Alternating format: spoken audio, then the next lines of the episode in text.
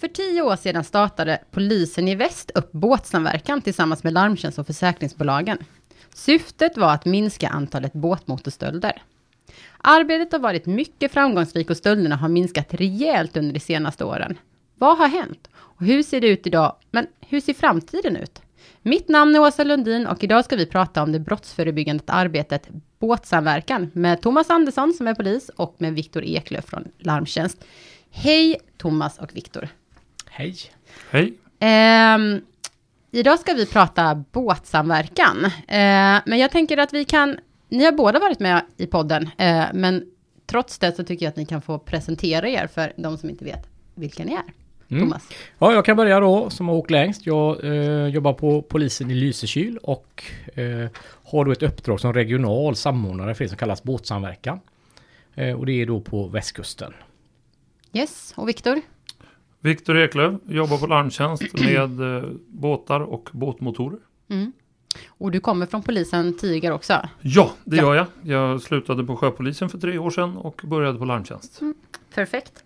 Ehm, då, vi kan ju kanske börja med att bara prata om vad båtsamverkan är, så att, vi, så att våra lyssnare vet i alla fall vad begreppet är och vad det innebär, Thomas. Ja men då tänker jag så här, de flesta vet ju vad grannsamverkan är, att man tillsammans eh, går ihop och så försöker man då minska brottsligheten. Och båtsamverkan är väl en marin variant av grannsamverkan kan man säga. Eh, sen, sen är det så här att vi skiljer oss lite från grannsamverkan, att vi har varit lite mer operativa. Eh, men, men man kan säga marin variant av grannsamverkan så tror jag de flesta förstår. Mm. Um, och båtsamverkan, det firar ju tio år i år. Um, men vad var det som hände för tio år sedan? Varför startade man upp båtsamverkan då? Jo, men om man går tillbaka kanske 15 år sedan egentligen så, så började man se då i olika kommuner på västkusten eh, som, och, och det kunde vara Tanum, Sotenäs, Lysekils kommuner. Så kom det ner, oftast på söndagar, eh, kunde det komma ner eh, personer som stal då båtmotorerna. Och det var ingen som upptäckte någonting utan dagen efter så låg båtarna och flöt i vattenkanten och motorerna var borta. Och det, blev, det växte och växte det här och blev ganska omfattande. Människorna som bor på kusten, de blev ju irriterade. Det kostade mycket pengar för dem. Och eh, en del började då samla ihop sig och skulle liksom själva på något vis ta dem då, det man kanske kallar medborgargarde. Mm. Och då, då eh, blev den här ökningen ganska enorm med stölder och då var polisen liksom var tvungna att göra någonting och då var det bara frågan hur ska vi göra? Mm. Och, och eh, då började det och då är, var då det här som blev kallat namnet båtsamverkan det startade då eh, man kan säga att det st- startade i slutet på eh, 2012 att en kommissarie Anders Pettersson fick ett uppdrag att börja skissa på det. Mm. Och Anders Pettersson var en klok gammal polis och, och la upp ungefär tankar. Hur ska det här gå då?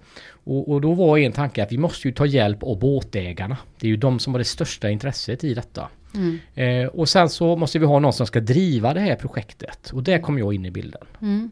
Så eh, det startade upp som ett projekt egentligen, ett test att eh, försöka jobba på det här sättet, polisiärt, brottsförebyggande, men det har sedan övergått då till ett sätt som man jobbar. Ja, vi, vi fick ju, vi bestämde oss ganska tidigt då att vi ska ha som ett mål och det har vi haft hela tiden. Och det var då att vi skulle kraftigt minska antalet båtmotorstölder från Kungälv upp till Strömstad. Och när vi drog igång i de här eh, ganska eh, omfattande stölderna som hade varit i vissa kommuner så blev ju det resultatet, det sjönk väldigt mycket. Men vi såg att det flyttade sig inom då eh, Västra Götaland som det hette på den tiden. Och då var vi ju tvungna att, att växa. Eh, och vi visade på väldigt fina resultat ganska, ganska så snabbt. Och sen har det växt och växt och eh, 2017, 31 maj, så blev det ju då en, en eh, produkt då som blev Båtsamverkan Sverige. Men om vi tänker så här, eh, med tanke på att båtsamverkan kommer från, man säger västsidan, hade ni, var det extra mycket problem med båtmotorstölder just på västsidan då? Nej, jag tror att man har nog haft det, alltså Stockholm har ju haft det hela tiden. Vi, vi har ungefär haft hälften, har jag kunnat säga, liksom grovt räknat. Hälften har vi alltid haft på västsidan mot vad man har här i Stockholmsområdet. Eh, men det blir väldigt mycket ändå. Vi låg ju på ungefär 700 stölder per år, eller i alla fall 700 polisanmälningar kan man säga. En polisanmälan är alltid en båtmotor, men det kan vara två, det kan vara 14 båtmotorer om det kan vara det. på någon firma då. Men ungefär 700 polisanmälningar hade vi varje år då när vi drog igång för 10 år sedan. Ehm, du nämnde här också att, att eh, det blev ett, ett eh, projekt, ett samverkansprojekt och ni tog då del, tog hjälp med av eh, eh, båtägarna. Men det var ju också fler som skulle samverka för att kunna lyfta projektet och där kom Larmtjänst in eftersom detta är ett samverkansprojekt med eh, även där Larmtjänst och försäkringsbolagen ingår. Hur var det Larmtjänsts roll och vad har det varit från början? Larmtjänst eh, har ju bistått eh, båtsamverkansarbetet med de fysiska sakerna såsom skyltar, västar, märkningar, eh, möjlighet till att märka både synligt och dolt, utrustningen till det. Eh, även eh, bidragit i vissa projekt som man har haft eh, och kunna bistå med de delarna. Mm. Ehm, Thomas, du nämnde att man ganska snabbt kunde se resultat av, eh, av båtsamverkan, så det brottsförebyggande arbetet. Kan du berätta lite om utvecklingen från att det drog igång och hur det har sett ut under tiden så att säga? Nej men det var, det var ju så här, jag fick ju det här, jag började ju i, i, på båtmässan i Göteborg 2013. Det var ju precis längst upp, längst in, ett litet ståbord. Det var det mm. som var. Eh, och eh, sen har det växt då till, till eh, som i år när vi liksom fick sitta och prata med massa eh, människor som har varit med från starten var med och pratade i ett seminarium. Eh, jag fick ett uppdrag att de här första fyra månaderna så skulle jag starta 25 båtsamverkansgrupper. Och då, då, är jag ju, jag har ju varit ganska aktiv i näringslivet, eller inte i näringslivet, i, i föreningslivet och eh, det är ju inte alltid så enkelt i föreningslivet. Det är ju inte, jag har ju gått tillbaka lite, det är svårt att få de här eldsjälarna som hjälper till. Så jag sa det att vi ska vara glada om jag får en, typ. Mm. Eh, nu fick jag ihop eh, fyra stycken på de här fyra månaderna. Ja. Men vi hade ändå startat någonting som gjorde att Polismyndigheten då i Västra Götaland kände att nej men det här, det här, är, det här är riktigt bra. Vi, vi lägger lite, lite resurs och får väldigt, väldigt mycket tillbaka. Mm. Uh, och därför har det fortsatt. Så det var ju lite knackigt i början. Mm. Uh, jag, jag hade ju en yttre befälsroll som kanske var lite svår att ersätta. Men, men man löste ut det och, och, och uh, ja, nu när vi går tio år efter, jag sa ju det förut att vi haft, hade 700 stölder. Mm. I, fjol hade vi 199. Så det är ju 500 färre brottsoffer. Så det är ju mm. fantastiskt bra eh, siffror. Som vi när, om man tittar tio år tillbaka eh, och så ser, säger vi att man börjar se viss effekt ganska snabbt. Uh, men om vi tittar tio år tillbaka och uh, tittar på statistiken år för år, finns det någon brytpunkt där man ser att det börjar minska på direkten? Eller kan man se att det är något år där man har börjat gå ner uh, båtmotorstölderna? Ja, men när vi började då hade vi en liga som mm. var hos oss och hade varit hos oss i många år. Mm. Jag hade ju åkt runt på ganska många brottsplatser och tittat. Uh, och de grep vi i Ljungskile en, en natt där det var 13 minus. Eh, det blev ju en enorm effekt när de eh, försvann. Eh, mm. De fick ju ett års fängelse. Och, och, det blev en jätteeffekt för vår del. Sen började vi märka efter ett tag att de började poppa upp igen. Men, men då, då åkte de förbi Bohuslän. De fortsatte in i Norge. Och sen så tog vi dem in i Sverige med norska båtmotorer. Och den ligan valde ju sen till slut att backa ur mm. ifrån vårt område. Eh, och, och, gripa är väldigt preventivt. Så, så eh, det var en väldigt bra start för båtsamverkan mm. i väst. Mm. Eh, Viktor, om vi ska prata mer nationellt om siffrorna och sådär. Eh, kan du säga någonting om utvecklingen som du kan se när man har börjat implementera det här eh, arbetet eh, i hela Sverige? Kan man se en effekt av liksom, det minskade antalet stölder där? Ja, det kan man göra, absolut. Eh, vi ser ju det nu, effekterna av att polisen har hållit ut Eh, och även larmtjänst i det här arbetet på lång sikt. Eh, och eh, det man kan se är väl en tydlig kurva som går neråt i samband med pandemin. Och utifrån den så fortsätter den här positiva utvecklingen som vi fortfarande ser idag. Mm. Um det är ju väldigt eh, skönt att kunna sitta här och prata om att stölderna av båtmotorer går ner.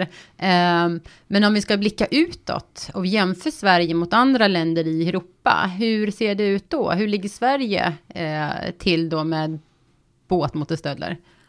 Vi är tyvärr väldigt, väldigt drabbade fortfarande. Och eh, den statistik som Larmtjänst hänvisar till det är ju alltid Brås statistik. Och Brås statistik bygger på de uppgifterna som kommer in till polisen. Eh, och eh, de uppgifterna är de som vi jobbar med. Eh, vi är eh, unika skulle jag säga. Vi är väldigt hårt drabbade kopplat till vår långa kust. Eh, väldigt mycket motorer eh, men vi har ändå en positiv utveckling med det här arbetet som vi har genom båtsamverkan. Men vad är det då som är så effektivt med båtsamverkan? Varför, varför funkar båtsamverkan så bra? Nej men det funkar ju så tillvida att eh, tar vi för vår del i Bohuslän, alltså båtsamverkan är ju mest utbyggt på västkusten. Det är ju mm. där vi började startade, eh, där vi har kvar det. Eh, det är ju så här att även om stölderna har minskat nu ganska mycket så kan det snabbt vända. Eh, människorna har varit väldigt engagerade. Nu är det ju lugnt. Nu sover de ju gott om nätterna i Bohuslän. De är inte oroliga att det står någon nere på bryggan eller bakom huset och stjäl båtmotorer. Och, och, när det blir tillräckligt lugnt till slut och man liksom blir lite slapp nästan kanske. Det kan bli, bli lätt så. Då, då kan ju risken vara att stölderna ökar igen. Men då har ju vi, vi har ju fortsatt, vi trummar på, vi eh, igång. Så att skulle vi få stölder på vissa ställen inom då Region Väst, eh, Halland och Västra Götaland, då kan ju vi lätt matcha upp då. Vi har ju båtsamverkansgruppen att jobba med som vi har. Mm. Vi har ju kontaktpoliser i varje kommun i stort sett som är en kontaktpolis för båtsamverkan. Och sen har vi då våra sociala medier där vi kan då jobba med. Mm. Eh, så, så vi är ju ganska lyckliga Lotta. Vi har ett helt annat verktyg idag än mot när vi startade. Hur skulle vi nå ut då? Nu kan mm. vi ju liksom nästan pointa vissa områden. Mm. Eh, Man kan bra. säga att kontinuiteten på att verkligen fortsätta jobba eh, brottsförebyggande men också ha ett kanaler ut, det, det, det som eh, eh, är så effektivt. Precis, det är jätteviktigt då. Och det är viktigt att nämna det också. Det är ju lätt att man, eh, nu hör man polisen och larmtjänst säga, men det är ju det är ju väldigt många aktörer som båtägare, marinbranschen, försäkringsbolagen, polisen, kustbevakningen, larmtjänst och så vidare. Och, det är den här mixen när vi alla gör lite som ger en väldigt, väldigt bra effekt och har gjort det. Och nu kan vi ju visa på det. Nu har det redan gått tio år. Mm. Jag tänkte så här, nu pratar vi om båtsamverkan när det går väldigt bra och sådär. Men finns det områden, platser där båtsamverkan kanske inte är så effektiv eller kanske inte funkar. Jag tänker till exempel, det här pratar ju, det här handlar mycket om att du ska ha kanske marinor och liknande där man kan gå ihop. Men jag tänker, har man egen brygga och liknande så här, vad, det måste ju vara svårare med båt, någon form av båtsamverkan på vissa platser här i Sverige. Det är det absolut och, och eh, på de platserna där man förvarar sin båt, kanske just som du nämner på egen brygga, man vinterförvarar på egen eh, sommarstugetomt där, ser vi ju tydligt att stölderna fortfarande finns kvar. Det är lätt för tjuven att jobba. Eh, det, upptäcktsrisken är minimal. Och eh, de, ja, det är ju ett fortsatt arbete. Hur når vi ut till de här? Hur kan vi hjälpa till med placeringen, hanteringen? Eh, även hur man låser.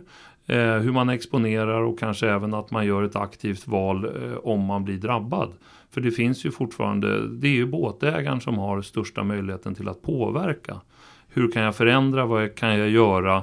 Och hur kan jag själv eh, bidra i det här arbetet för att minska stölderna? Mm. Eh, Thomas, eh, du som jobbar nära båtklubbar och har sett vissa framgångssagor där man kanske blivit av med. Kan du berätta om någon klubb eller något område där man hade mycket stölder som har där man har kunnat jobba med båtsamverkan och kan se ett tydligt exempel på att det liksom har funkat? Ja men det finns ju många sådana exempel. Men vi har ju som i Fjällbacka till exempel. De hade ju ett antal stölder varje år. Eh, de har inga stölder längre. Eh, de har ju liksom byggt på. Eh, de har byggt på med lite teknik. De har sett kameror och, mm. och har en, en anslutit sig till ett vaktbolag.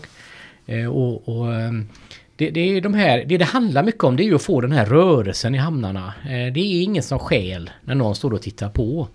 Och, och sen kan det vara svårt ibland att det är många man har vi, vi, vi har ju en sån i våra hamnar i, i Bohuslän att det är väldigt många som är eh, sommargäster som kommer ut och bor långt borta. Och, och, därför är det bra när det kommer så mycket teknik idag som kan hjälpa till när det är svårt att få den här eh, bemanningen i hamnarna. Men, men just det här med, med att få rörelse, eh, det gör ju att det är ingen som kommer och stjäl. Mm. Man kan ju fylla på också där. Det finns ett väldigt lyckat projekt i Mälaren som var väldigt stölddrabbad kopplat till vinteruppförvaring. Eh, och eh, där jobbade man inte med teknik så kanske som man tänker idag utan där jobbade man med de fysiska förutsättningarna. Hur ställer vi upp våra båtar? Eh, hur vänder vi kanske motorerna inåt så att det inte är lika lätt att se? Man täckte över motorerna, man tittade på ytterområdet, man eh, tog bort möjligheten till att åka bil runt eh, vinteruppställningsplatsen och eh, därigenom så var det ju mycket, mycket svårare att arbeta. Eh, de fysiska förändringarna gjorde ju istället för att man hade då som ett skyltfönster mer eller mindre där alla ställde akten ut mot staketet så att man kunde gå på utsidan och välja vilken motor man ville ha. Så vände man båten inåt, man täckte över motorn och det var inte heller lika lätt att se eh, vilken man helst ville stjäla. Mm. Och de här enkla sakerna kostade ju absolut inga pengar att genomföra Nej. i kombination med att man ställde upp ett par vägsuggor så att man inte kunde köra runt området och lika lätt ta sig därifrån. Det var snarare att man fick information om hur man kan försvåra för tjuven. Ja, i kombination med ett arbete som polisen var mest ute där och bara hjälper till att kanske komma in med nya ögon. Hur kan vi titta på området? Hur kan vi förändra det fysiskt? Mm. Det behöver inte alltid vara kostsamt och kopplat till ny modern teknik. Uh, nu har vi pratat mycket om hur vi ska förhindra, eller båtsamverkan, hur man förhindrar då uh, tjuven. Uh, men vem är tjuven? Vad är det för några uh, brottslingar som vi pratar om? Finns det några typiska? Nej, men det finns ju, det finns ju olika brottslingar. Mm. Eh, vi har ju de här internationella brottsnätverken och IBN som vi säger inom polisen. Då. Mm. De, de, är ju här och, och verkar. Och det är vad jag brukar kalla i folkmun Båtmotortjuvarna AB då. Och sen finns det lite olika aktiebolag där som håller på. Åker runt och skäl. De, de har vi ju kvar naturligtvis. Eh, sen, sen, tror ju jag att de inriktar sig lite grann på annat nu. Mm. Andra produkter som själv. Vi har ju en väldigt ökning med katalysatorer och så vidare. Mm. Men rätt som det är, de kan ju lätt svänga om. Eh, så. Eh, så. Så de har vi. Sen har vi ju den här missbrukaren kanske som snabbt behöver pengar, tar en liten motor, gör inbrott i en sjöbod, stjäl en femhästars, säljer ut den på, på eh, någon sån här försäljningssida då.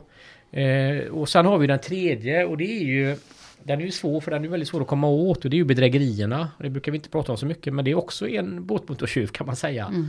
Alltså man får, man kör sönder någonting och, och, och så hävdar man då att det blivit stulet kanske istället. Eller man har svårt att få sålt sin båt eller sin båtmotor och, och så anmäler man att den är stulen. Och, mm. och, och, det kommer vi alltid att jobba med. Mm. Sen har vi ytterligare en del och det är en brottskategori som ökar tyvärr och det är ju brottskoden för båtmotorer. Den går neråt. Eh, brottskoden för stöld ur båt går ju tyvärr åt fel håll. Och eh, det är ju stölder ur båtar, man stjäl elektronik, eh, flytvästar, fiskespön och annat som man förvarar i båten under tiden som man inte nyttjar den. Och den där kan man ju se tyvärr, det är en kostsam sak. Eh, man blir bestulen på elektronik eller skärmar och sådana där saker. Mm. Och den är ju någonting som man får fortsätta att jobba med och det är tyvärr många gånger den inhemska tjuven som gör den typen av stöld. För många gånger så kan vi hitta de här föremålen i andra båtar eller var de nu kopplas upp. Just det.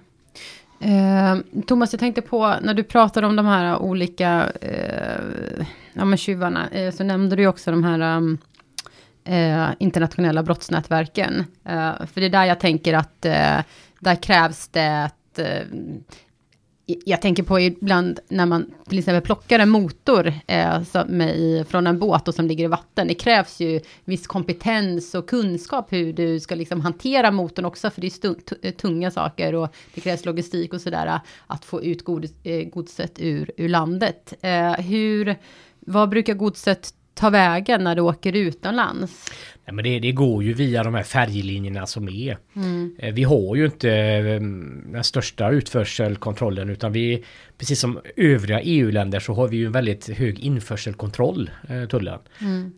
Men, men det är klart att vi skulle behöva ha ännu mera utförselkontroller. Det är ju det vi har tjatat om i många, många år här och alla tycker att det borde bli så men vi har svårt att få igenom det. Mm. Och det är naturligtvis så här att eh, våra vänner på tullen behöver ju få ökade resurser för att klara, klara av det jobbet. Mm. Och, och eh, vi hoppas att de ska få det. Eh, så att det blir bättre. Mer kontroller utåt, ut ur landet då. Så.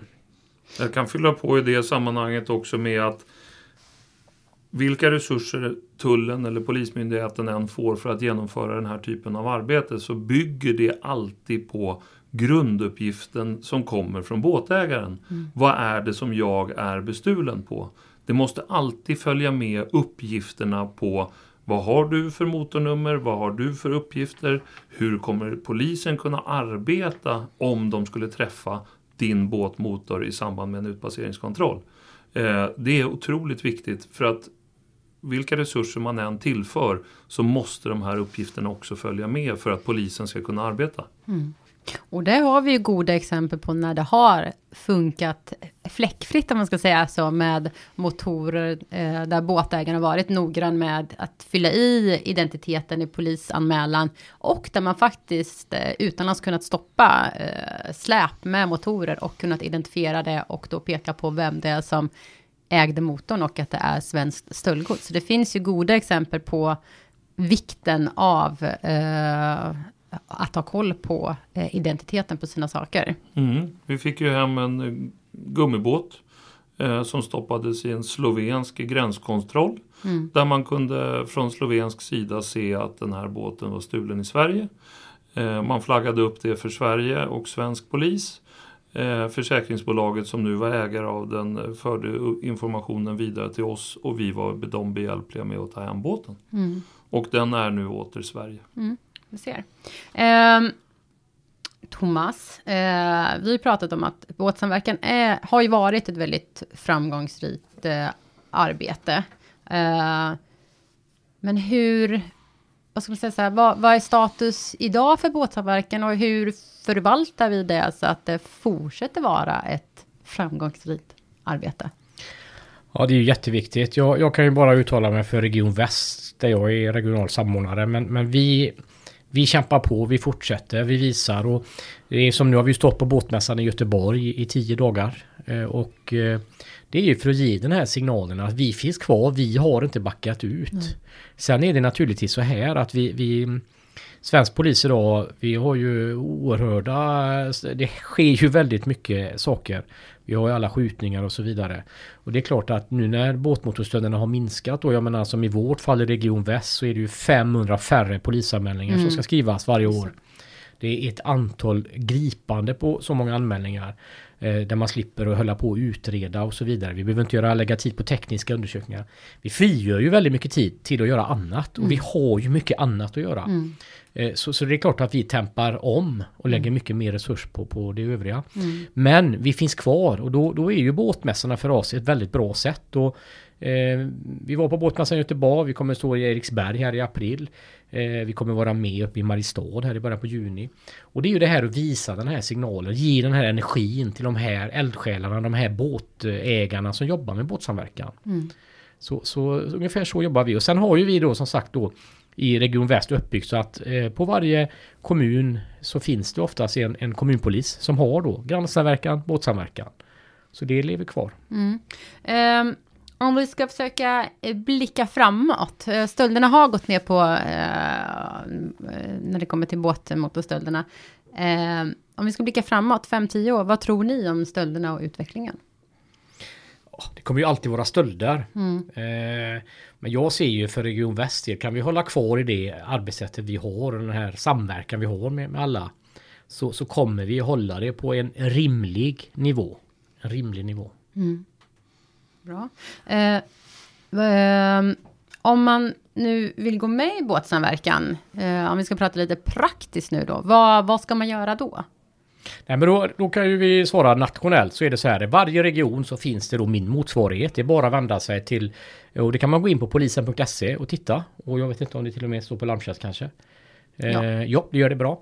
Eh, så kan man då få kontakt. Så var man än bor i Sverige så har man rätt att liksom få den här kontakten och starta upp båtsamverkan. Um, om vi säger att um, om man nu är båtägare och vill, eh, man kanske har gått med i båtsamverkan, eller ens klubb är med i båtsamverkan, uh, men man vill aktivt ändå jobba för att minska risken för stöld av motor. Uh, det är ju faktiskt, vi börjar närma oss våren. Vad ska man tänka på då? Vad, vad, vad, vad, är, vad är klokt att tänka på när det kommer till, till ens båt och båtmotor? Ja, det, det, finns mycket man kan fundera över. Mässorna som Thomas nämner som vi är ute och jobbar på så brukar vi ha med oss eh, det lilla båtkortet som finns på polisen. Det finns på larmtjänst också. Eh, vi brukar ha det som uppvisning. Det är tio rutor som innehåller eh, uppgifterna kopplat till båt och motor. Mm. Eh, våren och sjösättningen är ett gyllene tillfälle att eh, föra på de här uppgifterna, se att man har dem, kanske även dokumentera dem i sin telefon så att man vet eh, de unika uppgifter som man har kopplat till sin båt och motor. Mm. Och jag skulle säga så här att det i Sverige finns oerhört många hjältar. Och de, vad, vad, är hjältarna då? Jo men det är ju de här människorna som kanske slutar klockan 22 på jobbet och åker hem. Som ikväll säger vi, de åker hem. Så tar de en sväng förbi vinterförvaringen. Mm. Eh, eller på sommaren innan de åker till jobbet. Eller de tar en promenad med hunden. De går ner i hamnen. Mm. Får den här rörelsen på de här ställena. Mm. Det, är hjält, det är en massa små hjältar som hela mm. tiden eh, i det tysta eh, gör underverk. Blir rörelse här med tjuven, det blir lite svårare för tjuven att Ja, och det är ju ingen, det är inget konstigt i det, eh, liksom att göra mm. det. Ja, det är bara att ta den lilla svängen. Det kan ta fem minuter, det kan ta 20 minuter för en del, men, men att man kommer ner i hamnen eh, och får den här eh, rörelsen då. Mm. Hjältar för mig. Mm. Mm. Eh, Viktor och eh, Thomas, vi börjar gå mot eh, eh, avsnittets slut. Är det något som ni känner att ni skulle vilja trycka på eller som ni tycker att vi har missat här eh, när vi har pratat båtsamverkan? Nej men jag skulle bara, alltså det, nu har det gått tio år och man reflekterar ju över allt och de här resultaten hur det har gått och det är ju ändå så här, både när Viktor började och jag sökte till polisen så ville man göra skillnad. Eh, hjälpa, ställa till rätta mm. som polis. Och, och eh, båtsamverkan har verkligen gjort skillnad, verkligen gjort skillnad. Och det, det, det är jätteroligt. Mm. Ja, och det är otroligt positivt för den gemene båtägaren och det, det är otroligt roligt för att, att få träffa dem ute på mässor och dylikt eh, och man även upplevelsen att det går åt rätt håll och en god utveckling. Mm. Och då kan jag passa på också, som sagt, om du är intresserad av att eh, gå med i båtsamverkan, eh, så kan du gå in antingen på polisens hemsida eller på Larmtjänsts hemsida. På Larmtjänsts hemsida kan du även hitta lite tips eh, för att minska eh, risken för stöld, så du har det ehm, Eh, uppstolpat där. Eh, jag tackar för att ni tog er tid att vara med i Larmtjänstpodden. Ni har hört Larmtjänstpodden som är en podd från Larmtjänst som jobbar på uppdrag av försäkringsbolagen med syfte att bekämpa försäkringsrelaterad brottslighet. Dagens gäster var Thomas Andersson och eh, Viktor Eklöf. Dela gärna podden i era sociala kanaler så tackar jag för att ni lyssnar och hoppas att vi ses igen. Tack.